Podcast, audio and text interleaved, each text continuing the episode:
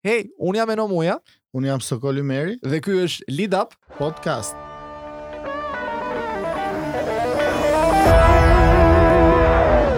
Përshëndetje, përshëndetje, përshëndetje. Përshëndetje miq. Përshëndetje, dëgjohemi në këtë seri të radhës të podcastit Lead Up. Lead Up. Po. Sot flasim për turizëm. Ku e ku më mirë se turizmi nga shtyllat e ekonomisë shqiptare. Absolutisht. Për më tepër vera është afër, ëh, po troket. Edhe ne do ta nisim menjëherë bisedën me të ftuarën tonë të parë, zonjën Herida Duro, drejtore e Drejtorisë së Zhvillimit të Programeve të Turizmit pranë Ministrisë së Turizmit. Mirë se keni ardhur. Faleminderit për këtë mundësi të bukur. E vlerësoj sepse kur flitet sot për turizëm brenda kemi gjithçka, kështu që Absolutisht. Jam e privilegjuar që të kem këtë rast të ndaj me ju këtë moment. Faleminderit që morët nga koha juaj për të na u bashkuar në këtë podcast i cili për hir të vërtetës ka synuar që në nisje të promovojë shembujt pozitivë. në çdo fushë, qoftë kjo në pjesën e punësimit, pse jo sot po flasim për turizmin, pra kemi shembuj plot mirë për të promovuar, kemi energji pozitive shumë për të shpërndarë, pse mos ta gjenerojmë akoma dhe më shumë. Këtu shembujt e Lidit janë të dallueshëm në të gjitha në të gjithë sektorët, se kam patur fatin që në 15 vite eksperiencë të administratës publike të kem bashkëpunëtorë të jashtëzakonshëm dhe tejet të veçantë, profesionistë të vërtetë të fushave të ndryshme, si në kulturë, aty ku kam mbajtur pozicione të ndryshme gjatë këtyre viteve, por edhe në turizëm ku së fundmi jam atashuar stafit. Na vjen mirë pra, të gjejmë fjalë. Oferta e Lidit është një ofertë e mirë në treg, le të themi. Kështu duket, kështu duket. Janë kolegë profesionistë të vërtetë. Cila cila është oferta e Shqipërisë në fushën e turizmit? Oferta e Shqipërisë, jo siç ka qenë ndoshta më parë. Turizmi më parë shihej si një term shumë turistik. Të gjithë shkonim në mendimin që turizmi i përkiste vetëm sezonit veror apo pushimeve që ne do të kishim në një pesëmbëdhjetëditësh të pushimit familjar apo në uikendet tona, sa herë do të ishte e mundur. Ndërsa sot flasim për turizëm gjithëvjetor. Dhe kur flasim për turizëm, flasim brenda për investime të mëdha, flasim për infrastrukturë, flasim për standarde, flasim për ofertë të diversifikuar dhe gjithëvjetore. Dhe këtu i kemi mundësitë në fund të fundit. I kemi, një pjesë e mirë e tyre janë tërësisht natyrore, kemi fatin që afër në një territor shumë të vogël, kemi natyrë të bukur, të kemi male të bukura, të kemi bregdet fantastik, të kemi ushqim dhe kulinari të jashtëzakonshme dhe të kemi dhe ato virtyte të cilat në një farë mënyrë e bëjnë kulturën e të jetuarit tonë. E vërtetë. Jo kulturës si term artistik, po kulturës së mikpritjes, kulturës së gjithë përkujdesjes apo natyrës njerëzore shqiptare në një farë mënyre. Jo se jemi shqiptarë dhe nuk duhet të tregojmë mendjemëdhenj apo si, do ta lëm për pak çaste modestinë, po ama të huajt mahniten kur vijnë në Shqipëri. Themi atë gjë. Është një shprehje shumë e bukur që vijnë duke qarë dhe ikin duke qarë. ja, ja. Apo duke qarë, ja, se, se u mërzitën që po ikin e vërtetë, ashtu. Vijnë nuk e njohin, do të thotë. Njerëz që për ta mbeten të dashur, lënë një natyrë të cilën e adhurojnë, Dhe në fakt në të gjithë takimet e fundit dhe mundësitë e fundit që kemi patur në bashkëpunimet e ndodhura si në rastin e BBC-s, një dokumentar i jashtëzakonshëm që u promovua dhe po vijon të promovohet, pak ditë më vonë do të kemi përsëri një dalje tjetër uh, të këtij dokumentari në kanale të tjera britanike. Një jehonë e madhe për turizmin shqiptar, kudo në botë. Jashtëzakonshme dhe mbi të gjitha, jo vetëm kjo, por dhe një dokumentar tjetër i ndodhur uh, jo më larg se një vit mm -hmm. më mhm. parë në Holland, ka bërë që të ketë një rezonancë të jashtëzakonshme dhe mbi të gjitha të të rinjve të këtyre vendeve. E di çfarë them unë Erida Koli, më fal, pa dashur të të ndërpres. Është bërë vështirë të dëgjosh shqiptar kur shkon në në, mhm. në pushimin në Shqipëri. Është interesante. Deri dje thonim për shembull sa pak të huaj, sot është problem të dëgjosh sepse kërkon atë gjuhën shqipe në vendin tënd. Fenomen interesant. Dhe të gjithë pyesin ka një aktivitet, ndodh diçka, ka një simpozium. Është viti i rinisë, ashtu siç ndodhi vitin e kaluar, por në fakt viti i rinisë apo pjesëmarrja e rinisë së huaj në Shqipëri është prezente në çdo moment, në çdo stinë. E vërtetë. Dhe për fat dhe të klimës tonë, mm -hmm. kjo ka ndikuar ndoshta edhe te natyra njerëzore, por në turizëm është një nga pikat tona më të forta, sidomos edhe në rajon. E lidhur me të gjithë komponentët e tjerë, po edhe me njerëzit në vetvete, me këtë rini kaq vitale dhe me këtë aktivitet të përditshëm që ndodh, qoftë në Tiranë, qoftë në shumë qytete të tjera, edhe se tek ne nuk arrin ndoshta të pasqyrohet ose të vijë informacioni, po themi në dritaret apo në mhm. celularët tanë. Mm -hmm. Vërtet ndodhin shumë gjëra dhe janë të gjitha për t'u lavdëruar sa të traditës, sa më të reja më bashkëkohore. Patjetër. Është një paketë. Të gjitha po krijojnë një mozaik të jashtëzakonshëm në çdo cep të Shqipërisë. Këto emisione që ju i përmendët më parë dhe pjesëmarrja nëpër panairet më të njohura siç ishte ITB-ja në Berlin, i kanë dhënë një jehonë të madhe turizmit në Shqipëri dhe ofertës turistike të Shqipërisë, duke synuar pjesën e turizmit të natyrës, turizmit autentik në respekt të natyrës, në respekt të specieve që jetojnë në këtë natyrë, po jemi gati neve të presim këtë lloj turizmi, a është infrastruktura, pjesa e mbrojtjes së natyrës nga ana e shtetit, po themi edhe institucionet përkatëse, po dhe vetë individet në radhë të parë, sepse shteti nuk mund të jetë kudo, mm -hmm. në gjendje të respektojë këtë natyrë dhe këta turistë vërtet vijnë dhe të shohin atë që i premtohet. Është e vërtetë dhe shumë e drejtë pyetja juaj, dhe një nga termat sot më të përdorur në terminologjinë e turizmit në përgjithësi, siç është turizmi i qëndrueshëm. Exact. Dhe kur flasim për një turizëm të qëndrueshëm, nënkuptohen të gjithë këta elementë që ju sapo parashtruat. Është në përgjegjësinë tonë që pavarësisht rritjes të fluksit apo interesit që kemi nga turistët e huaj, i cili sa po vjen dhe po shtohet dhe ky është një lajm fantastik. Por përgjegjësia jonë këtu na takon të gjithëve që ne të jemi të përgjegjshëm për të mbajtur standardet e duhura, Patjetër, patjetër. gjithmonë Duhet nga çdo ekologjike, individ. Patjetër. Gjithmonë në të mirë që... dhe në sa më friendly me me mënyrën se si ato ngrihen, zhvillohen dhe më pas mbahen për të qenë adekuate, po themi për një periudhë të gjatë. Qofshin bizneset, marka, brende, qofshin ato kulinare ose të agroturizmeve, që për momentin janë forma më e natyrshme dhe më friendly e të bërit një ekonomi familjare lokale në zona të caktuar. Dhe janë ata që në një farë mënyre janë shumë më dashamirës të zonës, duhet të jetë një formë që ka gjetur goxha kanë punësimin primar, kanë uh, aktivizimin edhe marrjen e produkte, përdorimin e produkteve të zonës. Janë gjeneratorë të ekonomisë vendase, ha? Po, po. Janë uh, sidomos në ato komunitete vogla, në fshatra të vogla, zona të thella, ku mundësitë edhe po. janë të limituara. Po. Dhe janë, po themi këto pole të vogla të turizmit, të cilat po krijojnë dhe diversitetin afatgjatë, po rrisin dhe uh, periudhën e të bërit turizëm. Fantastike. Ato janë të gatshme dhe janë të hapura për çdo stinë dhe mm -hmm. për mhm. çdo muaj të vitit nga janari deri në dhjetor, pa dallim të një sezoni turistik apo të një zone të caktuar që në periudha të caktuara ka një zhvillim apo një. Patjetër. Por fort pra, ajo që duam, ai turizmi gjithëvjetor, jo vetëm sezonal praktikisht. Kjo është dhe një nga arsyet kryesore të punës së ministrisë, së stafeve po dhe të politikave tona afatgjata është që Shqipëria e ka mundësinë ta ofrojë. Patjetër. këtë jetëgjatësi, jo pra sezonalitet të turizmit dhe që të mund të ofrojë diversitet në territor në ofrim të gjithë produkteve dhe kushteve që ofron, por edhe larmitet, që njerëzit mos bëjnë turistin pasiv, por dhe të jenë pjesëmarrës në të gjitha gjërat që ndodhin Patjetër. në çdo ambient. Të lobojmë për turistë të përgjegjshëm që ta trajtojnë vendin që vizitojnë njësoj si shtëpinë e tyre, pra të respektojnë traditat. Po flisim dhe për këto, po ajo që unë do ju pyesja si perceptohet në fakt përvoja e një turisti të huaj në vendin tonë. Jemi takuar në fakt me njerëz të ndryshëm që i përkasin niveleve të ndryshme të huaj dhe janë të magjepsur në fakt sepse ajo që gjejnë është një festë dhe më pas do flasim pak dhe për festën tonë që pritet të vijë për pak ditë shumë afër. Është një festë sepse ka një diversitet të asaj që ne folëm bashkë. Në mjediset tona, në Shqipëri, gjen vend edhe një familjar dhe një moshë e tretë. E vërtetë. një moshë e caktuar që zakonisht kanë mundësitë për të krijuar një turizëm dhe për të qenë turist të botës në moshën e tretë, është e ndjeshme kjo në çdo vend që ne shkojmë jashtë territorit shqiptar, por dhe ka shumë të rinj që e gjejnë veten përsëri kënaqësitë e tyre që mund të marrin. Nuk janë pak janë, në të vërtetë në Shqipëri. Dhe kjo është e bukura, që ofrojmë, japim këto mundësi. Ajo që ne po tentojmë që turizmi cilësor nuk ka të bëjë vetëm me brendet hoteliere që dhe këto janë një kusht i domosdoshëm për të pasur vëmendjen e atyre njerëzve që në fund fundit harxhojnë Janë target grupe të ndryshme, duhet, po. duhet t'i orientojmë Dhe kjo gjithë. është një nga arsyet që për të gjithë ne duhet të krijojmë kushtet e volitshme që ata të rrisin dhe të zgjasin kohën e qëndrimit të tyre në Shqipëri. Dhe që të mund t'ju ofrohet çdo shërbim ta gjejnë aty ku do të vijnë. Se mund të vijnë të rinj me çadra, gjenden shumë mirë. Mbas ca vitesh mund të vijnë si familjarë. Patjetër, në stade të ndryshme të jetës, modeste, Dhe pastaj në pension, me pensionet e majme që mund të kenë, mund të vijnë dhe të rrojnë në hotele luksoze. Pra, vërtet, ajo që ne ndjejmë është që një pjesë e mirë e të gjithë njerëzve rikthehen dhe rikthehen me një po interes të shtuar. Po nuk kanë faj, nuk kanë faj. Nuk koha, nuk u del periudha dhe nuk arrijnë dot që të përjetojnë të gjitha këto eksperienca dhe përvoja që mund t'i ofrojë Shqipëria jonë. Së fundmi u bë një jehonë e madhe për um, certifikimin e parkut të Vjosës dhe lumit të Vjosës si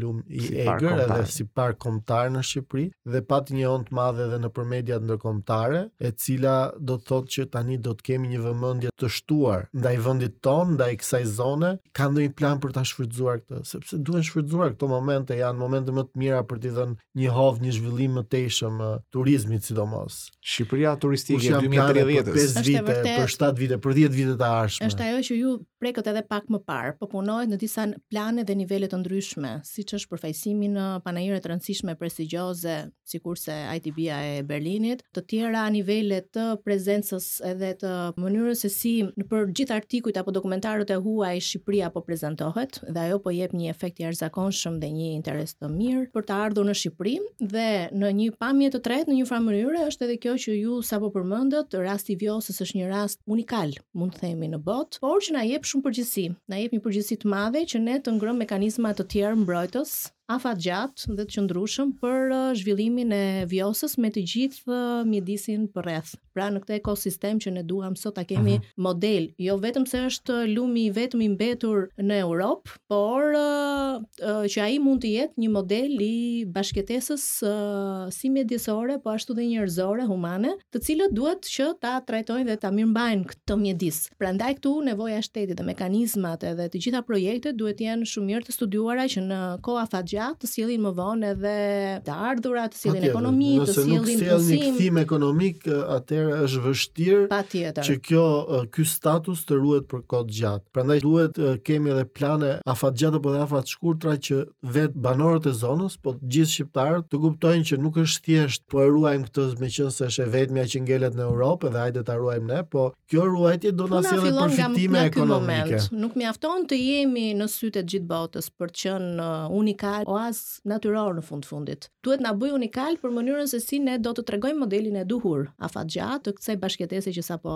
folëm së bashku. Dhe në këtë këndvështrim të gjitha këto aktivitete, këto evente, këto momente të veçanta që po ndodhin gjithmonë e më shpesh siç edhe është e ndjeshme e dukshme kjo gjë, bëjnë që Shqipëria të ketë një pasaportë tjetër të ftesës fakt për të ardhur dhe për të shijuar dhe për të përjetuar në një farë mënyre këtë oaz të bashkëjetesës sonë me të gjitha të mirat, po dhe me të gjitha përpjekjet që ne po bëjmë për të treguar vërtet që Shqipëria meriton të jetë një vend i mirë, me parametra të mirë, me standarde të mira, por edhe me jetesë të lumtur dhe të kënaqshme në një farë mënyre brenda standardeve. Natyrisht. Duhet të kënaqim të dy, dhe turistët që vijnë, po dhe vendasit. Patjetër, patjetër, patjetër. Shumë e rëndësishme. Duhet të krijohet simbiozë, duhet të jenë të dyja palët të kënaqura, ne kemi në kemi në gjenezën edhe në gjakun tonë mikpritjen dhe ajo që ne përpiqemi gjithmonë të japim më të mirën për këdo që ftojmë mhm. apo e kemi pjesë e bëjmë pjesë të familjes apo të mjedisit tonë. Po të mos jetë kjo një sakrificë, të jetë diçka që ta bëjmë si diçka që na vjen natyrshëm dhe na sjell përfitimet e veta dhe kjo është nëpërmjet turizmit dhe mhm. duhet nëpërmjet një turizmi të qëndrueshëm, siç e përmendëm. Unë sa herë diskutoj termin turist, mbi të gjitha mendoj veten si turist të brendshëm në Shqipëri. Ne duam të jemi turistë jashtë, por harrojmë ndonjëherë që ne jemi turistët e parë të vendit tonë. Ndaj, mm -hmm. prandaj na lind në një farë mënyrë kjo detyrë humane dhe civile që të parët si shembull duhet ta japim po ne vetë të qenurit turist, të sjellurit si të tillë, dhe të mos mendojmë gjithmonë që do vijë ai turisti tjetër dhe do e gjejë këtë gjë që do të bëhet vetë apo këtë mjedisi do të bëhet vetë. Kështu që i takon të gjithë strukturave, të gjithë njerëzve, të gjithë komponentëve dhe partnerëve që ta shohin si si një mundësi të mirë të gjithë bashkë. Edhe shoqërisë që të funksionojë si një e tërë, mos ta shofi gjithë secili veten si një aktor i veçuar, shteti në vete, individi në vete, bizneset në vete, ai turisti i huaj në vete, duhet ta shohin të gjithë pjesë e një komuniteti. Ka një moment të mirë dhe tejet pozitiv bashkëpunimi që kemi me të gjitha programet dhe donatorët dhe projektet e huaja në fushën e turizmit. Mm -hmm. Dhe është për t'u lavdëruar apo për t'u vënë në dukje ky moment, sepse nëse më parë aktori apo bizneset private shkonin në një linjë paralele me strukturat shtetërore, qoftë edhe me donatorët të cilët përpiqen gjithmonë të krijojnë standardin, krijojnë trajnimet, gjitha gjitha gjitha mundësitë që jep turizmi pra për ta kthyer në një ekonomi të fuqishme, shiheshin të gjithë si paralele, si universe paralele deri diku. Ndërkohë tani jemi ulur të gjithë bashkë, po e shohim të gjithë drejt një vizioni. Dhe kjo është gjë shumë e mirë. Po. Kjo është mënyra e vetme, exact. sepse nuk mund të presësh që do kemi donatorë gjatë gjithë kohës që do merren me turizmin tonë. Po nuk ka si të funksionojë donatori pa e lidhur. Shteti të luajë rolin që duhet ta luajë biznesi, po. kështu që Kjo bashkim është momenti i duhur që ka gjithmonë një plan dhe një vizion në të cilin ne duhet të bashkohemi patjetër gjithë bashkë, qoftë në forca financiare, qoftë në forca njerëzore, sepse të pak strategjike, ka plot, që gjitha në vizion, në momentin që bashkohet mm -hmm. vizioni, besoj pastaj është shumë e thjeshtë të bashkohen gjithë energjitë e tjera, qoftë njerëzore apo të kapitaleve. Dhe kjo u ndje besoj edhe në prezantimin tonë në ITB të Berlinit. Ne shkuam me me partner shumë prestigjios siç janë GIZ Albania, siç është RisiAlbania, SIP, një program tjetër zviceran shumë i vlefshëm në Shqipëri dhe i atashuar prej vitesh. Sikurse kishim edhe unionin e shoqatave turistike, të cilëve iu gjendëm dhe ishim në një farë mënyre komplementonim njëri-tjetrin përballë stendave të njëri-tjetrit ku plotësonim ofertën turistike, diversitetin. Si ishte interesi, se jam kurioz. Mund të them që ka qenë një nga stendat që nga të gjithë shihej ça po ndodh. Dukej sikur ishim gjithmonë në një moment festiv apo në një moment celebrimi, por në fakt ishin të gjithë njerëzit që interesoheshin, sa për një ofertë malore, sa për një kërkesë tjetër që kishte lidhje me bizneset. Mendoj që sidomos edhe nga mediat e huaja kemi pasur interesim mbulim, interesant. Mbulim të jashtëzakonshëm, i cili vazhdon ende marrim sot informacione nga partnerët tanë në Gjermani, që po vijon dhe pasqyrohet në një mënyrë Kemi larmishmëri po, produktesh, kemi larmishmëri mundësish të zhvillimit turizmit. Stenda zyrtare e Shqipërisë e paraqiti Shqipërinë si destinacion më vete, e prezantoi atë në një pikturë të madhe apo në një fotografi të madhe Shqipërinë si destinacion i ardhshëm i 2030-s. Ne duam që të arrijmë që të jemi kampionët e Ballkanit për 2030-ën, po kampion mbi të gjitha në cilësi dhe standarde, jo vetëm në sasi apo në volum. Është punë, është punë, sfida ka plot Absolutisht po, është e nevojshme që ne të jemi të qartë edhe në mënyrën se po, ku po. duam të arrijmë pikat tona të forta, mm -hmm. në numër, në të ardhura apo në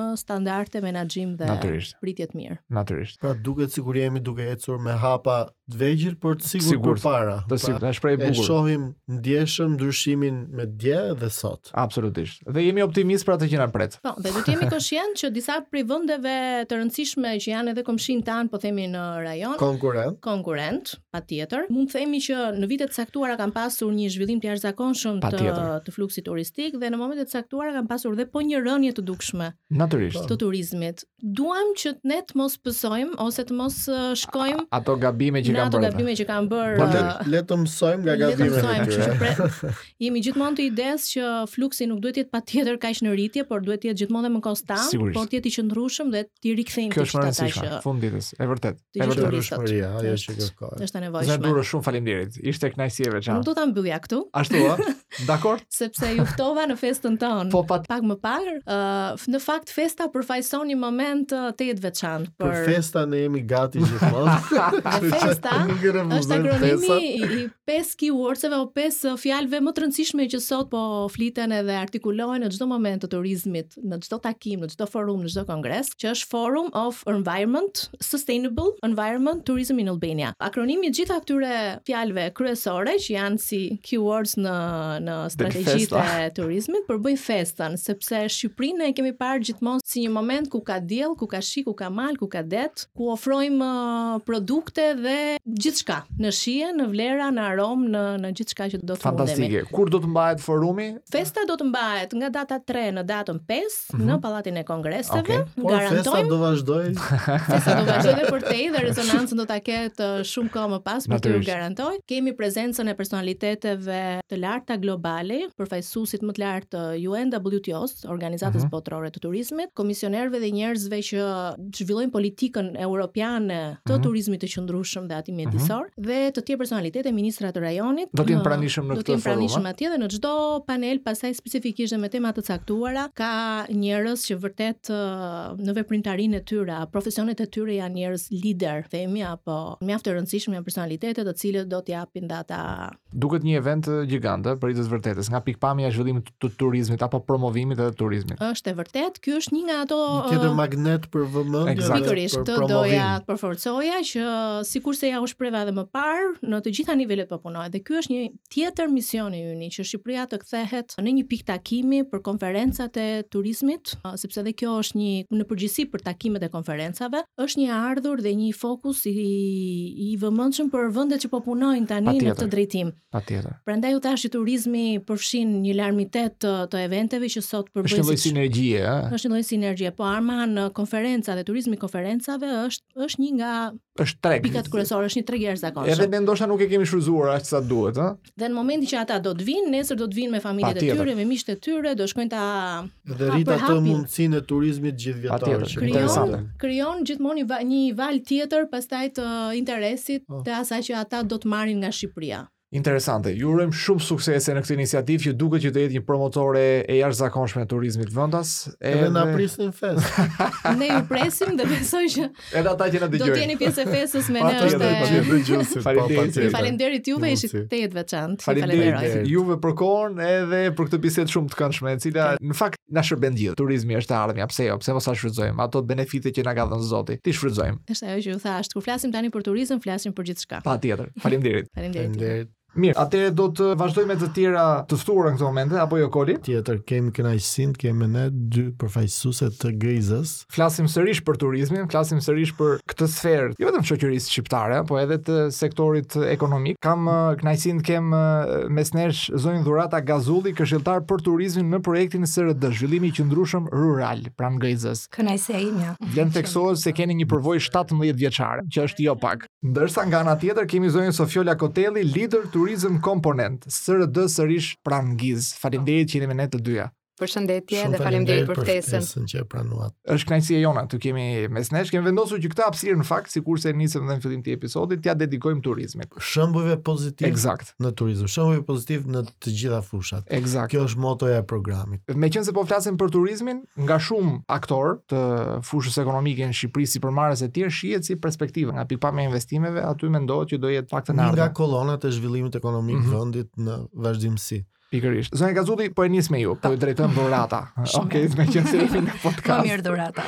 Flasim pak mbi diversifikimin e ofertës turistike. e kombinuar me art, kulturë, sport, duke e përshtatur edhe me argëtimin dhe traditën lokale. A ka në fakt një kombinim të tillë, ka një paketë të tillë Shqipëria që jep? Sikurse ju e përmendët, turizmi është një nga sektorët që po kthehet në sektorin kyç të GDP-së në Shqipëri. Patjetër që sektori i turizmit është duke u zhvilluar nga dita në ditë. Ajo që ne preferojmë si GIZ është që të bëjmë diversifikimin e ofertës turistike në Shqipëri. A ka produkte turistike që janë të diversifikuara, a ka, a ka modele tashmë që janë të zhvilluara, që janë të diversifikuara? Patjetër që ka. Një nga këto është South Outdoor Festival, një shembull që po e marrim dhe jemi duke punuar tashmë, mm -hmm. jemi mhm. duke e mbështetur edhe për këtë. Ka një rritje vit pas viti, është një produkt që ka shtuar, nuk ka mbetur në vend aty ku ka filluar, po duhet thënë që paktën nga perspektiva e dikujt që është nga jashtë, duket që është diçka që punohet në vazhdimësi, investohet edhe impenjohen për ta rritur vit mbas viti. nuk e di. Është shumë e vërtetë kjo që thatë ju, unë jam shumë e kënaqur që ju e njihni si produkt.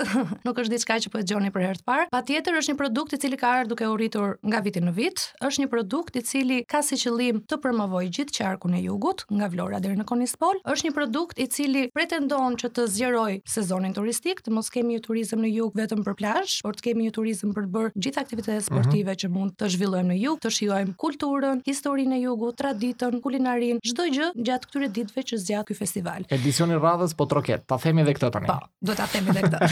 25 po, deri në 28 maj. Kampanja duket se është hapur, është po. hapur. Uh, ka filluar shitja e biletave në fakt dhe ne kemi filluar punën. Ekipi që merret tashmë me me organizimin e festivalit, ne si GIZ bëjmë një mbështetje sepse jemi duke bërë një exit strategy. GIZ-i nuk preferon që çdo vit të jetë në lid të festivalit, po jemi mm -hmm. duke tërhequr nga viti në vit. Po jemi shumë krenar që grupi të cilin e kemi ngritur, e kemi krijuar, po e çon përpara akoma dhe më fuqishëm South Outdoor Festival. Fantastike. 25 deri 28 maj. Pra rritësi një, e çuan po, shkallë universitet. Tashi është universiteti. Dhe të lojë Por në fakt unë nuk doja të ndalesha vetëm te South Outdoor Festival, sepse GIZ-i ka krijuar një sërë aktivitetesh të tjera të diversifikuara në destinacione të ndryshme të Shqipërisë. Mund të përmendim një të po. tillë, se do ishte interesante edhe për ata që na dëgjojnë. Po, Meqenëse vera është afër, jo? Po, Një pjesë e produkteve janë produkte që janë rajonale, mhm. vetëm në Shqipëri, për shembull mund të përmendim shtigjet që kemi në destinacionin e Malësisë së Madhe, atje kishte shtigje ecje malore. Po pse edhe te ato shtigjet ka, ka investuar GIZ-ja? Po, Interesante. Atëherë. Atëherë ne bëmë një rikualifikim të shtigjeve, para po, viteve, jo, përveç rikualifikimit të shtigjeve shtuam dhe disa produkte të reja turistike, në mënyrë që njerëzit kur shkojnë në Malësi të Madhe të mos shkojnë tashmë vetëm për të fjetur një natë, të bëjnë një ecje malore dhe të kthehen, po, po të kenë mundësi që të shtojnë qëndrimin në këtë zonë. Kështu kemi bërë një diversifikim të ofertës turistike për destinacionin e Kelmendit. Kanë nisur edhe nisma nga bizneset lokale të zonës, mm -hmm, pasi mm -hmm. këto biznese tashmë e kanë parë benefitin dhe kanë krijuar produkte të tjera dhe kanë akoma më tepër diversifikuar ofertën turistike. Do doja shumë t'i përmendje. Ajo zonë është rivitalizuar veçanërisht 5-6 vitet e fundit, nëse mund të them. Ne kemi krijuar modelin e Thethit, ë, modeli i Thethit tashmë nuk besoj që ka njeri në Shqipëri që nuk e njeh modelin e Thethit, se ku ishte dhe ku është mhm. tashmë mm -hmm. dhe numri i turistëve që shkojnë atje çdo vit. Dhe donim të fokusoheshim në një zonë tjetër. Dhe për mua personalisht, Malësia e Madhe është një nga zonat më të preferuara në Shqipëri. Mendoj që është drejt, akoma e paprishur dhe akoma e pambingarkuar me turistë, por gjithsesi Ndoshta ky ndërtimi i këtij modeli që e përmendët edhe zhvillimi i modelit në destinacione të tjera, mundet shumë mirë që të ndihmojë edhe në balancimin e ngarkesës ndërmjet destinacioneve. Ky ishte një nga qëllimet. Shpeshherë ndodh që një destinacion bëhet shumë in, shumë në modë mm -hmm. për momentin, por jo gjithmonë është pozitive në sensin që mund të mbingarkojë dhe mund të krijojë edhe lodhje të turistëve, sidomos atyre mhm. vendas mm -hmm. që supozohet që destinacionet e vendit t'i vizitojnë herë pas here, jo vetëm një herë. Kjo ka qenë pikërisht arsyeja pse gjatë periudhës së SRD-njëshit, ne aktualisht jemi në një fazë të dytë, ne jemi fokusuar në zhvillimin e produkteve turistike për të bërë një rishpërndarje të mhm. turizmit. Mm -hmm. Meqë po flasim për këtë zonë, sepse është shumë interesante, është, unë preferoj shpesh ta cilësoj si një zonë akoma e paeksploruar në gjithë potencialin që ajo ka. Do të e përshia dhe... Gjithë është e paeksploruar për potencialin që ka. Tek ti do të drejtohesha, në fakt, të bëjmë një kombinim, se folëm pak për këtë paketën, po ndërkohë edhe ju keni një përvojë pune prej gati 15 vjetësh në turizëm dhe agrikulturë. Tani, si e shikoni zhvillimin e agrikulturës në, në këto zona. Turistik. Po, patjetër, a përfaqëson kjo një potencial edhe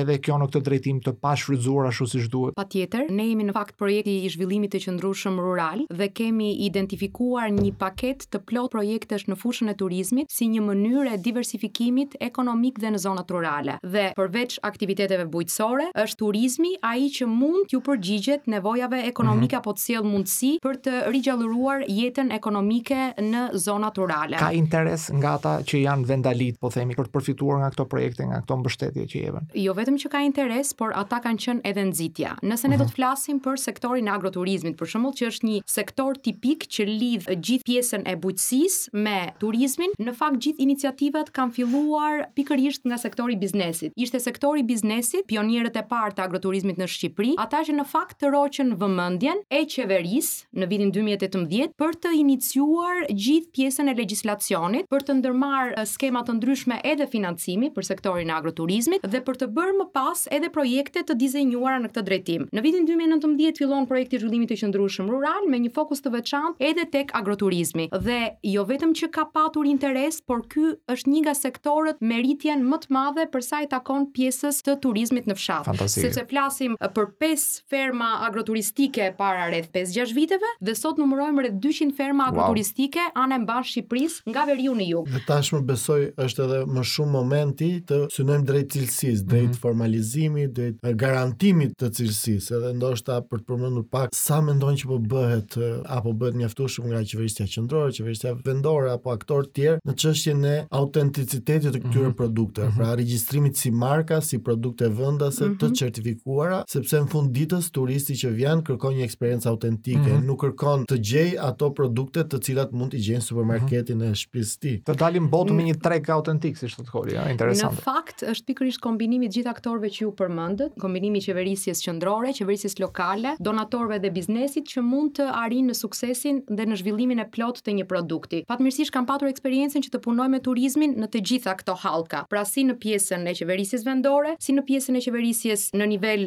lokal, qeveritar, më pas dhe në donatorët dhe pa diskutim që secili luan rolin e vet. Mhm. Nëse qeverisja qendrore vendos kornizat legjislative dhe jep vizionin e qartë, është qeverisja lokale ajo që ndihmon në nxitjen dhe në krijimin e markave dhe produkteve lokale, janë donatorët ata që mund të sjellin eksperiencën ë dhe mund të punojnë shumë dhe në drejtimin e ngritjes të cilësisë. Për shembull konkretisht me projektin SRD në mhm. fushën e agroturizmit dhe lidhjes së produkteve lokale për certifikimin dhe për përmirësimin e cilësisë të produkteve në zonat turistike. në fushën e lidhjes të produkteve lokale me agroturizmet apo me strukturat e tjera turistike. Ne jo vetëm që kemi punuar gjatë 4 viteve të kaluara dhe po vijojmë të punojmë me certifikimin, kemi ndërtuar modelet e para të produkteve të cilësisë që mbajnë markën shqiptare, mhm. të cilat janë produkte të origjinës që janë identifikuar bazuar mbi kritere të mirëpërcaktuara. Kemi asistuar ministrinë me legjislacionin, ngritjen e komisionit dhe sot kemi katër produktet e para të certifikuara në treg dhe shumë të tjera që do të ndjekin sërish rrugën e produkteve Made in Albania. Këto janë produktet kryesore të cilat do të shkojnë tek agroturizmet apo strukturat turistike. Nga ana tjetër jemi duke rregulluar gjithë kornizën ligjore të lidhjes mes tyre prodhuesve të vegjël lokalë dhe agroturizmeve apo strukturave turistike. Nga ana tjetër, ka shumë për të bërë dhe në fushën e shërbimeve. Vetëm gjatë pjesës së parë të programit, të projektit në katër vitet e kaluara, kemi zhvilluar një sërë paketash që kishin të bënin me rritjen e standardeve të shërbimit në agroturizme apo struktura turistike, që kishin të bënin me rritjen e aftë sive të stafit për sa i takon gjuhëve të huaja apo marketimit online dhe të tjera dhe shumë punë janë sërish për të bërë. Për shembull tani shumë shpejt do të fillojmë me Ministrinë e Turizmit një program për të hartuar manualet e mënyrës se si agroturizmet duhet të operojnë në treg, mm -hmm. që nga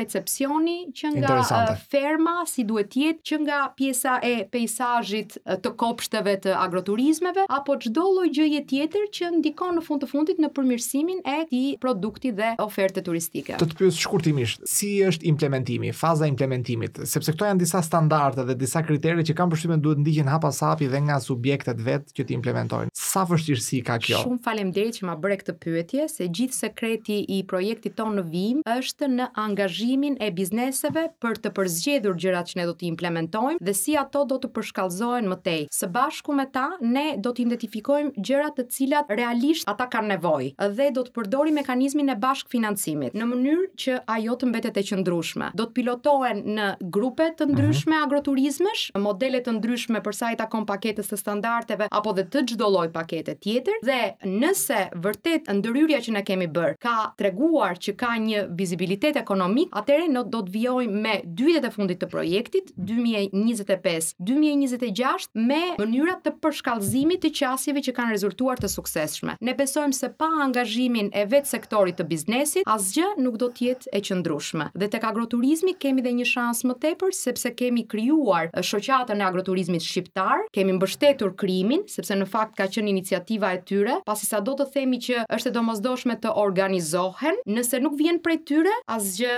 nuk do të qëndrojë deri në fund. Kështu që me kërkesën e dymbëdhjetë bizneseve agroturistike, ne kemi mbështetur këtë iniciativë dhe sot kemi një shoqatë që mund të them është në hapat e parë dhe ka nevojë për mbështetje, po ka shtatëdhjetë e tre anëtarë, të cilët janë bërë aktivë dhe pjesë edhe e tryezave të rëndësishme të politikëbërjes për sa i përket sektorit të agroturizmit në Shqipëri. Me aq sa ju e keni prekur dhe parë deri tani, sa do thoni që janë ndërgjegjshëm këto biznese, pra këto agrobiznese që ky nuk është një biznes i numrave, i masave, po i cilësisë? Ata janë më të ndërgjegjësuar më tepër se të gjithë. Ata janë biznese që kanë kuptuar se duhet të investojnë te cilësia, te produkti, te diversifikimi i ofertës, tek lidhja me produktet e tjera turistike, tek lidhja me produktet lokale, sepse është më e rëndësishme ta shesësh si duhet dhe me çmimin e duhur ofertën turistike, sesa, le ta themi, shumë edhe për lum nëse përdorim atë shprehjen tonë. Dhe me thënë të drejtën, ata janë ndërgjegjësuar shumë në këtë drejtim. Para se të vija këtu, kishim një takim me një tur operator amerikan i interesuar për të qenë tek agroturizmet shqiptare, pra për të filluar për të shitur paketën e agroturizmeve shqiptare dhe gjithë diskutimi tek 12 agroturizmet që ajo vizitoi gjatë turit, bisedat kishin të bënin vetëm me standarde, cilësinë, ato çka ata duhet të arrijnë edhe vetë të investojnë në mënyrë që të tërheqin tregun potencial i cili dhe mund të japë tek ata shpërblimin e duhur për punën e tyre. Në fund të fundit të shesësh traditën, mikpritjen, kulinarinë që janë tre faktorët kryesorë të zhvillimit të agroturizmit, duhet t'i vësh dhe çmimin e duhur dhe unë jam shumë e gëzuar që ata kanë filluar ta kuptojnë këtë. Fantastike. Ne folëm për uh, agroturizmin, po e cekëm pak edhe në fillim bisedës çështjen e destinacioneve, çështjen e mhm. promovimit të destinacioneve. Ça po bëhet në këtë drejtim? Zhvillimi i modelit menaxhimit të destinacioneve është ai orientimi strategjik, në fakt. i cili do të synohet që të shtyhet industria e turizmit në vend. Ça mund të themi më shumë për këtë? DMO-t ose siç i quajmë në shqip, organizatat e menaxhimit destinacionit, janë organizata që në fakt ne kemi tentuar si GIZ prej shumë vitesh që t'i pilotojmë në Shqipëri. Në vende të ndryshme të botës ka modele të ndryshme për sa i përket këtyre organizatave si struktura. Ka organizata që janë komplet private, që janë në vende të zhvilluara europiane dhe funksionojnë më së miri, ka organizata përsëri në vende shumë të zhvilluara europiane që janë komplet shtetërore dhe ka organizata në vende si Shqipëria apo pak më të zhvilluara se Shqipëria që janë modeli PPP, public dhe private. Po. Po. Ne kemi tentuar prej shumë vitesh në fakt për pilotimin e këtyre organizatave, kemi bashkëpunuar shumë me nivelin lokal, me nivelin rajonal, me nivelin qendror dhe mbi të gjitha me sektorin privat, mhm. sepse mm -hmm. patjetër është sektori privat ai që është çelësi. Kur bëhet fjalë për sektorin e turizmit. Ata janë gjithmonë që ecin pak më shpejt se sa ç'ecin instancat shtetërore. Në fakt nuk kemi qenë shumë të suksesshëm, neve preferojmë gjithmonë që të jemi shumë të suksesshëm si GIZ, por nuk kemi qenë shumë të suksesshëm sepse ka munguar baza ligjore. Aktualisht që flasim jemi duke punuar dhe bashkëpunuar me Ministrinë e Turizmit dhe Mjedisit për të draftuar bazën ligjore për sa i përket organizatave të menaxhimit të destinacionit. Po çfarë bëjnë këto organizata dhe pse janë fakt, eh, pse janë të nevojshme? Unë mendoj personalisht me sa i kam parë jo vetëm dhe tentuar mbështetjen për krijimin e tyre në Shqipëri, po dhe modelet e ndryshme që kam parë në vende të ndryshme të botës, këto organizata, këto struktura janë një masë për zhvillimin e qëndrueshëm të turizmit në një destinacion. Mm -hmm. Pak më parë folëm që turizmi është eksperiencë. Kur vjen një turist, ai s'do ta di se kush e menaxhon destinacionin. Ai do të përjetojë një eksperiencë. Mm -hmm. Por në mënyrë që popullsia lokale që kemi ne në destinacione të ndryshme të përfitojë më shumë, hapi numër 2 është mbajtja e këtij turisti sa më gjatë mm -hmm. dhe dhënia e këtij turisti një eksperiencë unike, në mënyrë që ai kur të kthehet mbrapsht, të flasë mirë për këtë destinacion, por gjithashtu të na sjellë edhe të tjerë përveç se të vijë dhe vetë. Të gjitha këto bëhen me një turizëm të qëndrueshëm brenda një destinacioni. Janë pikërisht këto struktura dhe këto organizata që merren me zhvillimin e produktit turistik, diversifikimin e produktit turistik brenda një destinacioni, merren me rritjen e kapaciteteve lokale brenda një destinacioni dhe merren me marketimin. Janë këto organizata që promotor janë promotorë të destinacioneve po i quajmë. Ekzakt, nuk janë vetëm promotorë sepse nuk merren vetëm me pjesën e marketimit. Nxisin zhvillimin e zonës. Nxisin zhvillimin e zonës, mm -hmm. zhvillimin në drejtim të duhur dhe janë pikërisht këto organizata që janë nyje midis sektorit privat dhe qeverisjes. Nuk flasim vetëm për qeverisjen lokale, sepse në rastin më të mirë qeverisja lokale dhe ajo rajonale duhet të jenë pjesë e këtyre organizatave, po bëhet fjalë me strategjitë që ndodhin mm -hmm. dhe me politikbërjen që ndodhin në qeverisjen qendrore. Domethënë ky është çelësi i suksesit dhe unë mendoj që jemi në një moment me këtë zhvillim që kemi të turizmit në vend që një nga hapat që duhet të bëjmë është patjetër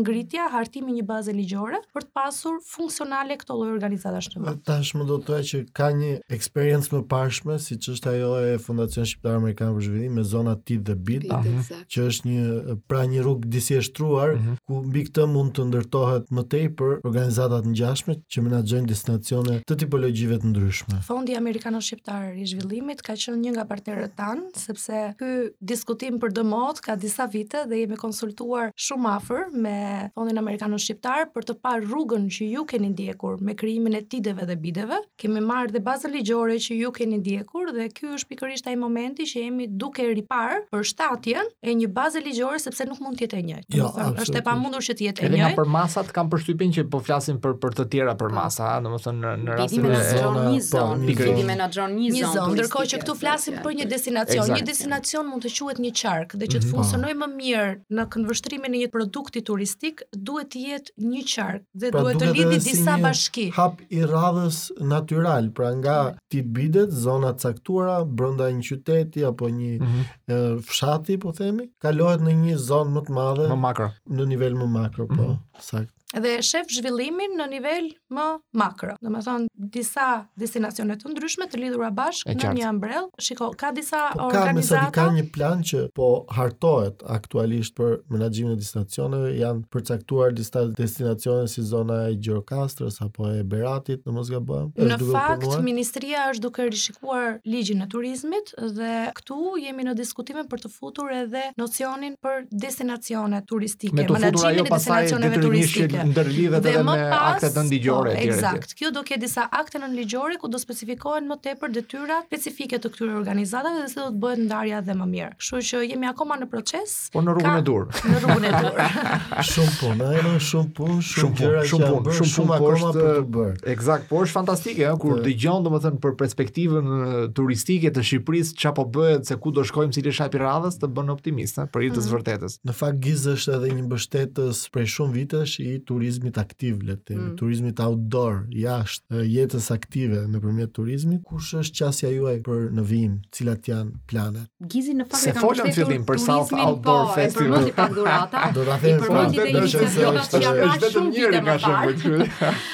Gizi dhurata e tha është ai që ka krijuar destinacionin e Thethit, ka filluar të promovojë hiking kur ngjitjet në mal, që të shprehem me terminologjinë në shqip kur hiking se tani hiking i quajnë gjithë. Tani quajnë gjithë, që s'kemi problem. Ndoshta kur të tjerët nuk e bënin dhe ishin vetëm klientët e huaj ndërkombëtarët ata që e preferonin. Atje ku unë dua të ndalem është që qasja në vijim është që për produkte të cilat Gizi i ka zhvilluar shumë, siç është për shembull hiking, gjatë këtyre 4 viteve në vijim ne duam ta shohim 360 gradë produktin. Kjo do të thotë që do të punojmë ngushtësisht dhe kemi filluar punën me Ministrinë e Turizmit dhe Mjedisit për legjislacionin lidhur me hiking, për shirjen e nocionit për hiking në Ligjin e Turizmit, përgatitjen e kushteve dhe kritereve apo të manualit ligjor për sa i takon mirëmbajtjes së shtigjeve, sepse mirë që zhvillohen shtigjet, po kush i mirëmban? Po, kush është përgjegjës? Teorikisht do të ketë një licencim. Për, për, për, për shënjimin pikërisht. Nga ana tjetër, guida është një tjetër çështje që e kemi në diskutim. Jemi duke folur me tur operatorë të mhm. ndryshëm, mm -hmm. jemi në diskutim me ministrinë, jemi në diskutim me institucionet e akredituara nga ministria, të cilët licencojnë guidat për të gjetur një gjuhë të përbashkët dhe për të ndërtuar së bashku rrugën e duhur afatgjatë, mm -hmm. jo zgjidhje afatshkurtra. Mm -hmm. Nga ana tjetër do të vazhdojë sigurisht dhe promovimi i këtij produkti edhe në tregun ndërkombëtar, në revistat dhe gazetat më të njohura. Përveç hiking, kemi patur suksese edhe aty. Kemi pasur. Besoj vetë fakti që sot jemi në këtë moment që synohet formalizimi më tejshëm, përgatitja e mm. ligjeve, mm. akteve, apo rregulloreve të ndryshme që të rregullojnë këtë aktivitet, tregon se ka arritur në një moment të tillë zhvillimit mjaftueshëm që ka marrë një volum të tillë ky lloj aktiviteti, sa është e nevojshme që të kalojmë në fazën tjetër. Ekzakt, Pra ky është vetë një indikator i suksesit. Ekzakt, dhe për hiking, që është një produkt i zhvilluar dhe i promovuar prej kohësh, ka ardhur momenti që gjithçka të rregullohet, siç e thashë, treqind e gjashtëdhjetë gradë. Por ndërkohë, Gizi ka filluar që të promovojë dhe të mbështesë tur-operatorë që zhvillojnë edhe produkte të tjera, siç janë çiklizmi, sepse më vijnë të gjitha anglisht, climbing, apo po. kacavjerja, të cilat duam gjithashtu të jenë po promovuara jo vetëm në tregun ndërkombëtar, por dhe në atë lokal që të vijë momenti që dhe po. ato të rregullohen si duhet. Mi, e di për ça nuk folëm, nuk folëm për aftësitë edhe hospitalizimin, për akomodimin, se unë e thashë anglisht gjysëm shqip, po për akomodimin. E prekëm pak, e prekëm. Nuk do rrinë gjithë në çadër. Ekzakt, ekzakt. Po për këtë ku jemi? kam përshtypjen që flitet për turizëm, po të gjithë qahen për mm. mungesën e këtyre kushteve a, që duhet të kenë turistët, flas nga pikëpamja e akomodimit. Në fakt, për pjesën e aftësive në sektorin e turizmit, unë nuk do ta lija vetëm tek pjesa e akomodimit, mm -hmm. është mhm. më tepër se kaq. Domethënë, sektori i turizmit ka folëm këtu për guidat lokale, dhe kjo mm -hmm. është një profesion në, në sektorin e turizmit. Ai që gatuan në një guest house, ai që pret miq në një guest house, janë një pjesë elementësh ose funksionesh të cilat janë profesione në sektorin e turizmit. A ka sfida? Sfida ka. Sa të duash. Mendoja që deri para pak kohësh, mendoja që këto sfida ishin më të theksuara në Shqipëri, por vihet re që është një lëvizje globale dhe mungesë globale e stafit në sektorin e turizmit. Mm. Nuk është vetëm në Shqipëri. Në gjithë sektorët. Jo vetëm sidomos në sektorin e turizmit, sepse në Shqipëri ajo çfarë mungon është që të gjithë e shofin turizmin si një punësim sezonal. Mm -hmm. E shofin turizmin të shkojmë punojmë 3 muaj në plazh dhe kaq. Jo, nuk duhet. Është një mendësi që duhet ta ndryshojmë. Eksakt. Dhe këtu ndoshta ka nevojë që të bëhen fushata ndërgjegjësimi masive tek të rinj që ta shofin turizmin, sektorin e turizmit si një profesion i cili mund të jetë gjithëvjetor. Ta shofin sektorin e turizmit si një profesion të cilin ti mund të rritesh profesionalisht dhe në karrierë. Domethënë kjo është një nga fazat e para. Ajo çfarë unë do të sugjeroja si si hap për t'u ndërmarrë. Hapi numër 2 është për ata që janë të punësuar në sektorin e turizmit. Ka plot përfaqësues sektori privat që vijnë këtu edhe thotë ne i trajnojmë, i punësojmë ata na ikin Gjermani. Po, ndodh. Është e vërtetë që ndodh. Po çfarë mund të bëhet që t'i mbajmë? Ka nevojë për rikualifikim, ka nevojë për incentiva të ndryshme në mënyrë që këta njerëz që janë të punësuar të rrisin aftësitë në pozicionet që kanë, sepse tregu ndryshon, kërkesa ndryshon, turisti vjen me kërkesa të reja, ne nuk ofrojmë më në tryezat tona ushqime siç i kemi ofruar shumë vite përpara. Është diversifikuar dhe Patjetër. mënyra se si ofrohet pjata, pjata kryesore është ndryshe tashmë nga ajo që çfarë kemi ngrënë vite përpara. Kështu që të gjitha këto duhen riparë. Patjetër që duhet një punë e jashtëzakonshme midis qeverisjes, sektorit privat, në mënyrë që turisti që na vjen në Shqipëri të përjetojë atë eksperiencën e magjishme që ne duam të përjetojë. Sidomos atë që përmende kualifikimi i stafit, rikualifikimi i stafit. Kto janë dy etapat. Nuk është diçka, duhet ta kuptojmë bizneset vetë në radhë parë që nuk është diçka që e bëra një herë dhe tani un mbarova me kaq. Jo, Njerëzit do lëvizin, nuk do e ndaloj asnjë biznes qarkullimin e njerëzve. Fatmirësisht kemi arrit ditës që të kemi mm. lëvizjen e lirë exact. të njerëzve dhe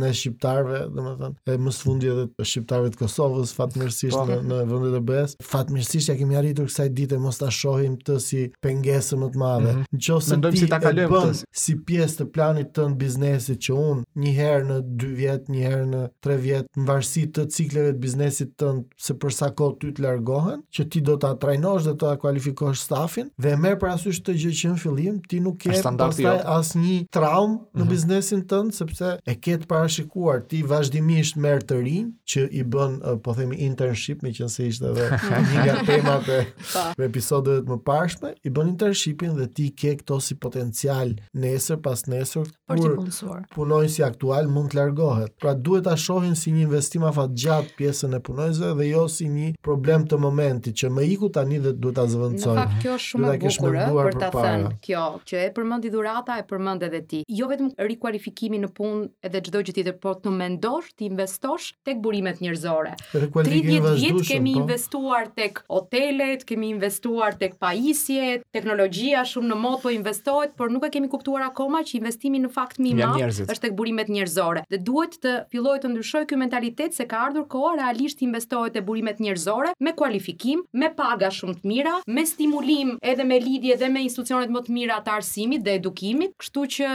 në fakt do mendojmë këtë. Kjo është një episod që kishim një të ftuar nga Deloitte. Mm. Dhe përmendi termin burime njerëzor po talente. Po, shumë bukur. Njerëzit janë talente për po. për biznesin, për kompaninë. Në fakt brendet ndërkombëtare burime, thjesht burime. Brendet ndërkombëtare, qoftë edhe këto që ne kemi në Shqipëri, e kanë të detyrueshme rikualifikimin e stafit. Çdo strukturë akomoduese, e cila është një brand, ka një standard të mirëfilltë për rikualifikimin e stafit dhe nuk e bën një herë në dy vjet. E bën çdo 6 muaj mm -hmm. dhe mhm. vijnë kontrollorët e brendit dhe të shohin çfarë trajnime i ke bërë stafit, si ka dalë stafi, si ka rezultuar nga trajnimi, të masin dhe performancën e stafit. Tash lloj franchise e kanë detyrimin e kontraktorit natyrisht. Kështu që këto janë detyrime dhe janë mas. Dhe kemi edhe një mungesë në fakt që ndoshta duhet të mësojmë në mënyrën e vështirë, nuk është kjo do të lehtë. Eksakt. Ne duhet të na bëhen pësime që të bëjmë mësime. Po është edhe mungesa e klasifikimit të hoteleve në mhm. Shqipëri, ëh. Mm -hmm. Kjo është mungesa kryesore që ne jemi në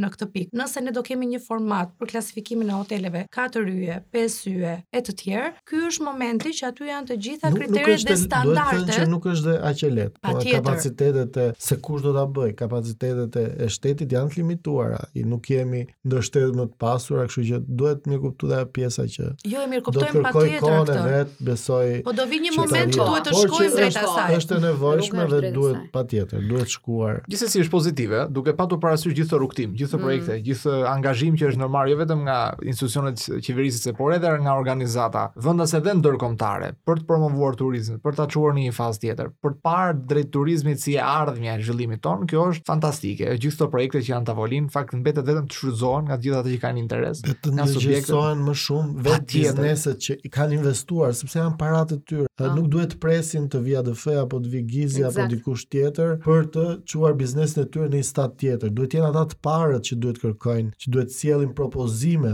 edhe duhet të bëjnë presion tek qeveria tek qeverisja lokale apo qendrore dhe organizatat e tjera, duhet të formalizojnë organizimet e tyre në formën e organizatave, sepse kështu vetëm kështu mund të ndërtojnë standarde, nuk mund të ndërtojë standard një biznes i vetëm në një vend, sado i fuqishëm të jetë ai biznes, ales do jetë një biznes që kontrollon vetë shtetin që asnjë nuk e do këtë, duhet të krijojnë organizata nëpërmjet të cilave të çojnë përpara agjendat për zhvillimin afatgjatë të këtyre bizneseve. Megjithatë të jemi optimiste se të gjitha pikat lidhen bashkë, pra zhvillimi i, mm -hmm, produkteve, mm -hmm. diversifikimi i ofertës, nxitja për menaxhimin e destinacioneve, promovimi, kuadri ligjor, janë të gjitha pjesë të një pazulli që po që se që ka arritur një nivel të zhvillimit. Po që se vendosen të gjitha së bashku ku do të vijë atje e padiskutuar. Është proces, po puna e bërë është e jashtëzakonshme. Në 33 vjet është për hir të së vërtetës vlen të thuhet dhe të theksohet dhe të nën të nënvizohet se shpesh herë e lëmë pas dore këtë pjesën e jemi modest si popull, mm. unë preferoj ta them. Jo, jemi kërkues. Kërkues, ekzakt. Më pëlqen shumë ajo shprehja që thotë ministrja Kumbaro, ne kemi folur vetëm dhjetëvjeçarin e fundit që flasim për turizëm, sepse nuk ekzistonte ky term më parë. Dhe kjo është e vërtetë. Duhet të jemi realistë dhe me këmbë në tokë. Vërtet kemi punuar në këto 33 vjet. Turizmi ishte vetëm ai hoteli në qendër të qytetit. Eksakt, atë njihnim.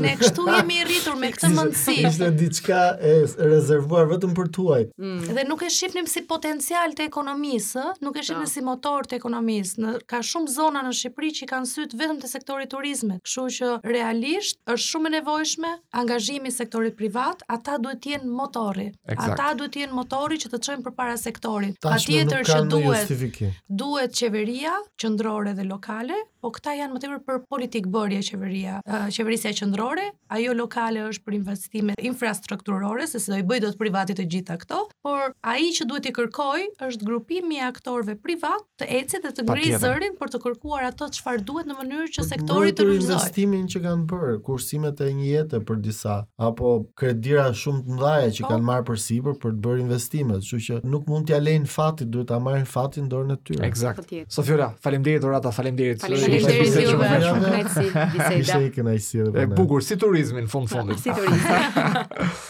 Shumë interesante, ëh, folëm për uh, turizmin se ku po shkon. Tani do flasim për atë që konsumojmë. Edhe kjo është shumë e rëndësishme, apo jo. Kemi të ftuar zonjën Dhurata Thanasi, krijuese e Luga e Argjendtë. Faleminderit që jeni me ne sot. Faleminderit që më keni. Mirëse. Edhe që ju njoh. Faleminderit. Ju jeni një antropologe e ushqimit shqiptar. Po, ah. kështu thonë, po unë përgjithësi lind si punonjëse zhvillimi për vite të tëra, në rrugë e sipër zbulova që kjo fushë që është kulinaria duhet të kishte zënë vend më të rëndësishëm në kulturën tonë të mhm. popullit, mm -hmm. por ndoshta edhe pse ka qenë trend vitet e fundit. Unë e kam nisur ka herë, gati 13 vite përpara, kur asnjë nuk fliste për traditën, asnjë nuk fliste për turizmin që flasim sot të qëndrueshëm, turizëm shqiptar, kështu që ishte një çik para kohe, por um, unë mendoj dhe besoj shumë te edukimi. E gjithsesi, dhe... e, këtë do thoja, nga ju nuk ka munguar kurrë kjo dëshira për të edukuar familjet, të rinjtë, si pritet kjo në fakt? Unë e nisa rastësisht, lidhja ime me ushqimin është si lidhja e të gjithëve ne, por ndoshta në çik më më shumë sepse është dhe pasion. Njeriu sa ka lindur, akti i parë që ka kryer është qarja dhe pastaj është ushqimi. ushqimi. Ë, lidhja karnale me nënën dhe të mhm. ushqet. Dhe është akti themeltar që na bën që ka shpëtuar mhm. njerëzimin. Kur u bëra nënë, aty kuptova që jeta ime nuk ishte nuk më përkiste vetëm mua, i përkiste dhe tim biri, edhe familjes, kështu që përkushtimi për të gjithnjë më shumë ishte si puna e kësaj ekonomisë qarkulluese, me një fjalë që dalëngadalë rritej dhe kishte të bënte më tej se se im bir me nënat e shokëve të tim biri me komunitetet, pra fillova dalëngadalë që atë çka unë bëja në familjen time me tim bir ta përçoja edhe në komunitetin ku ai jetonte mm -hmm. një pjesë të kohës tij që ishte kopshti e më pas shkolla e dalëngadalë pjesa tjetër pastaj u bë histori sepse unë u gjithëpërfshiva dhe e gjeta veten ca për pasionin ca edhe për misionin që po merrte puna në komunitete fëmijësh të rinjsh po edhe familjesh ku edukonin mbi ushqimin Perfekt. edhe kështu nisi blogu Luga e Argjendtë pra gjithë ato përpjekje dhe angazhim u kondensua në një iniciativë më formale më konkrete ku mund ta ndanit me të tjerët që ishin të interesuar, informacione mbi ushqimin e shëndetshëm, mënyrën e shëndetshme të ushqy, ushqimin tradicional po. dhe tashmë mund t'ju quajmë pa frikë një blogere. Unë në fakt edhe... nuk jam blogere, është fjalë shumë e nderuar sot. Ju nuk jeni blogere, sot. po jeni një nga blogeret më të famshme bashkëore. E kam krijuar e para, por unë nuk kam bloguar. Blogu në vetvete është diçka tjetër, unë thjesht shkruaja për një gazetë përditshme, asokohe kolona ime quhej Luga e Argjendtë dhe Fakti që politika, që vazhdon të jetë e mhm. nxehtë dhe sot e kësaj dite, u klikua më pas se sa blogu im, me një fjalë në atë në atë u ushqye nga Luga e Argjendtë. E drejtë, tregonte që ushqimi gjithnjë më shumë po zinte vend ose mhm, se mhm. ishin zanafillat e para. Shumë interesante kjo, shumë interesante. Shumë filluar të ngopeshin me politikë të tajme. Thoshte edhe pak shumë sa teto. Ishin unë punoja, unë në përgjithësi punoja nga puna ime, nga shtëpia sepse tash unë jam marrë me zhvillim rural dhe vazhdoj të merrem. Në të njëjtën kohë bëja dhe blogun ose shkruaja këtë kolonën që quhet në në këtë gazetë kaq të rëndësishme dhe u çuditën gazetarët që punonin çdo ditë në gazetë kush është kjo Luga e Argjendtë po sepse për po, prandaj themi ne blogerja më bash më e famshme s'e njeh njeri por eh, jam ftuar në një në një studio si puna e kësaj Blendi Salaj më ka ftuar për herë të parë është një shprehje video kill the the radio the radio star një gjë e tillë me një fjalë kështu që unë mbarova fund së qeni inkognito Dhurata po sa sfiduese është në fakt të bashkosh konsumatorë shqiptarë me komunitete dhe biznese që ofrojnë produkte tërësisht natyrale. Është shumë sfiduese dhe dua të kthehem prapë gjithmonë edhe për mua gjithmonë kryefjala mbetet edukimi dhe sot mhm. isha në mhm. një Zoom meeting në nivel ndërkombëtar dhe më pyesnin për këtë gjë. Ne po s'edukuam brezat e rinj dhe aty duhet të investojmë dhe bravo edhe ky podcast që ju bëni u drejtohet atyre, është e pamundur të krijosh, është punë e gjatë. Pa tjetër, jo që është proces, jo, natyrisht. Jo, është proces. Fakt, jo vetëm brezat e rinj, në çdo brez mund të edukohen, mund të gjejnë veten, mund ta zhvillojnë veten. Por the behavior është një diçka që lind në moshë të re. Pra ne jemi sot çka jemi, jemi frut edhe i asaj çka ishim si fëmijë, me fjalë. Sforcohemi të bëjmë ca gjëra sepse duam të jemi të ingranuar me komunitetin, të jemi të njësuar me të etj etj. Po, është një shprehje you can take the man out of the country not the country out of the man. Sometimes it doesn't work. Është shumë e rëndësishme si ne Mund ta bëjmë bisedën në anglisht nëse ke dëshirë. Më ngatërrohet, sorry. Ti jemi shumë. Bëjmë dhe pak humor ose na lejon podcasti. Drejt. Formati i Por që është është e vërtet kjo që thoni ju që patjetër pse duhet edukuar në këtë trekëndshin e Bermudës që them unë që është konsumatori, prodhuesi dhe fermeri, ëh, në rastin tim konkret për shembull, unë e kam shumë punën me shefat e kuzhinës që janë dhe ambasadorë të ushqimit sot. Fakti që po ti je promotore edhe e, edhe gatimeve autentike shqiptare. Autentike shqiptare, ajo është një pjesë që unë e bëj me shumë dëshirë që të hulumtoj sepse recetat tona të vjetra të lashta janë të lidhur me produktet tona. A kemi sot produkte të certifikuara shqiptare, produkte të cilat janë realisht të njohura dhe mund të shiten me brandin produkt shqiptar në tregje kombëtare po ndërkombëtare mbi të gjitha. Po, e drejtë. Ne kemi produkte të certifikuara shqiptare, çdo produkt që prodhohet në Shqipëri është i certifikuar, ka marrë një certifikim, është aprovuar nga Autoriteti Kombëtar i Ushqimit që është AKU-ja, dhe ISUV-i, Instituti i Sigurisë Ushqimore dhe Produkte ushqimore po, shqiptare po. nuk po, autentike, e ku i referohet autentike. për produkte jo, drejt. Diçka që mund ta gjesh dhe në Itali po, apo diku tjetër, jo, diçka që është vetëm në një zonë për shembull. Çfarë ka një ndarje që ne bëjmë është produktet që janë autoktone shqiptare të cilat mhm. komunitete ushqimi, komunitete lokale për shekuj e kanë ruajtur traditën e tyre. Na përmend një dy dy të interesante. Produkte kemi shumë, jashtë mase unë kam listuar kam bërë dhe një libër për këtë. Kush kush janë disa që ndoshta është jes shqiptare, katër të parat që janë certifikuar sepse po. bëj pjesë në një komision që merremi me certifikimin e produkteve dhe u kemi dhënë markën STG që është për specialitet tradicional i garantuar. Çfarë garanton kjo markë? Kjo markë garanton të gjithë hapat dhe atë protokollin e bërjes e procesit të gatimit dhe të bërjes së një produkti, për shembull të djathit mishavin, është një djath shumë i lashtë i Malësisë së Madhe, i malësive të Tamarës, kalon deri në Plavë e Guci, por që është zonë e Malit të Zi, janë është, janë, janë, janë vende shqiptare. Apo pra, jo, nuk është djath i napës, është një djath gjysëm i pastorizuar, i lopës bashkuar me delen, Është një djath shumë i veçantë, e quajnë gorgonzola shqiptare, wow. sepse mban një lloj arome, është djath inciziv i fortë me mm -hmm. personalitet dhe jo të gjithë mund ta kenë qejf sepse ka një shije shumë acide të fortë. Mua personalisht më pëlqen jashtë mase, i cili është certifikuar. Mendojmë që të kalojmë edhe në certifikime të tjera. që me hyrjen e Shqipërisë në Bashkimin Evropian, sepse për bulmetet ka rregulla shumë të rrepta, të kalojë dhe të shitet edhe edhe jashtë. Ka rregulla të rrepta, po ka dhe financime shumë më të mëdha nga BE-ja. Patjetër, ne po pra, punojmë. Është dhe një oportunitet është një është një mundësi shumë e madhe. Do jetë e vështirë të marrësh certifikimin, të hysh në tregun e BE-së si produkt autentik. Absolutisht. Por momentin që certifikohesh, momentin që ne do kemi akses në ato fonde, do jetë një oportunitet shumë i madh për fonde dhe për subvencione. Gjë që ja vlen.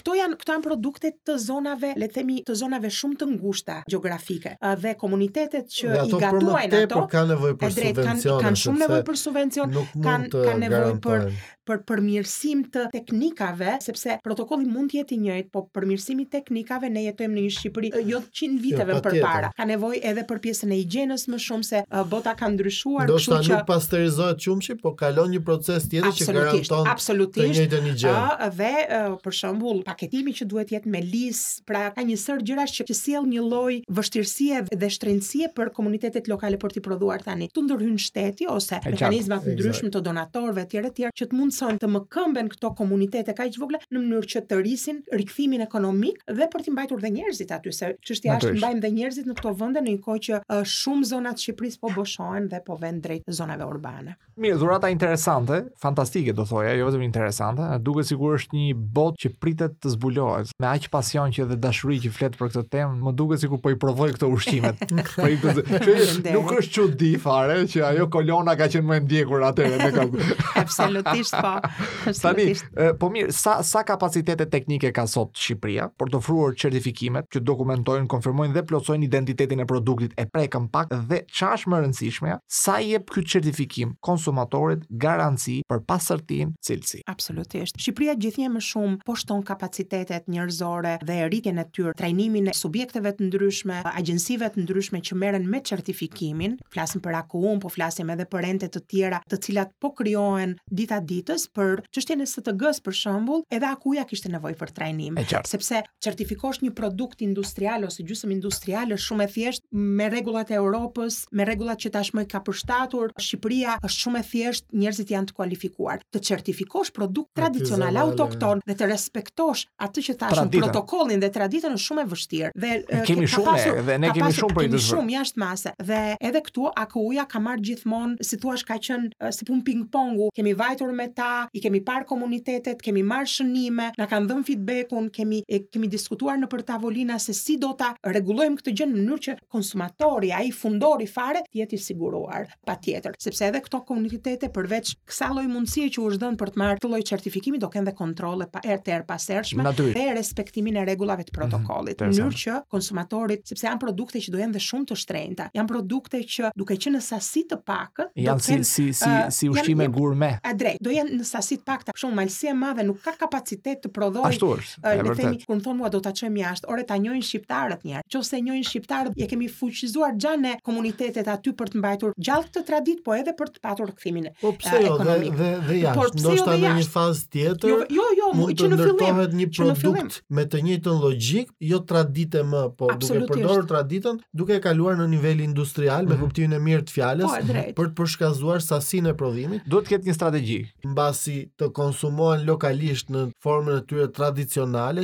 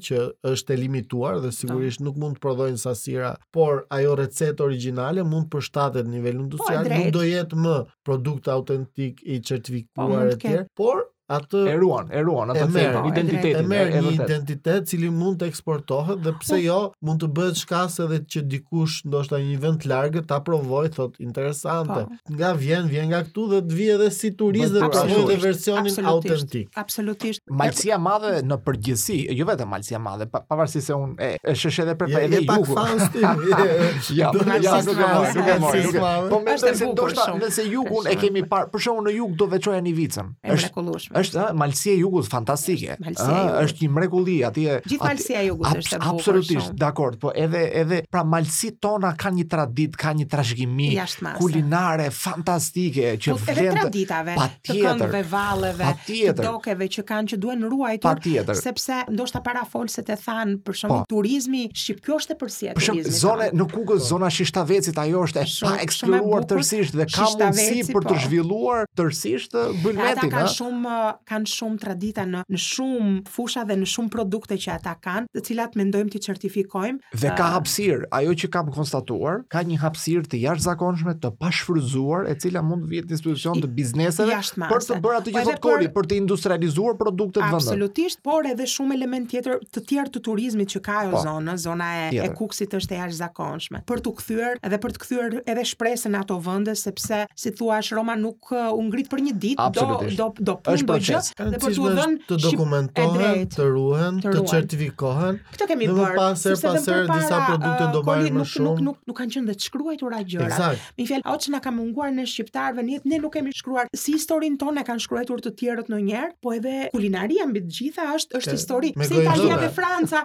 sot janë përpara sepse kanë ditur i kanë shkruar gjërat, kanë dokumentuar. Kanë se Dhe i kanë përmirësuar. Është kulturë, është është një lloj trashëgimie, është ne kemi patur fjalën e gojës, ë, nga një po, brez tek tjetri. Ndërsa ato kanë më, kanë patur një kulturë më ndryshe. Absolutisht. Absolutisht. Po mendoj se po ecim në hapa shumë të mira. Po ecim në hapa shumë të mira dhe shumë punë. Besoj në këto 11 vite që kur filluat. Është bërë, është bërë punë dhe tani po shikojmë goxha frute, po shikojmë që njerëzit i janë kthyer traditës, kushdo që kërkon, fillon e premtja, nuk më mbaron telefoni, duke më pyetur për vendet në Shqipëri ku hahet më mirë do do kesh edhe një telefon të rregullt tjetër një dy tre po do shtohen ca faleminderit faleminderit kënaqësi kënaqësi ishte dhe ishte edhe për ne unë e shijova shumë bisedën fantastike edhe suksese sa më shumë në në rrugtimin tënd profesional që ka një mision kaq sublim të promovojë atë pjesë të turizmit shqiptar që lidhet pikërisht me atë që ne hajmë kulinarinë faleminderit faleminderit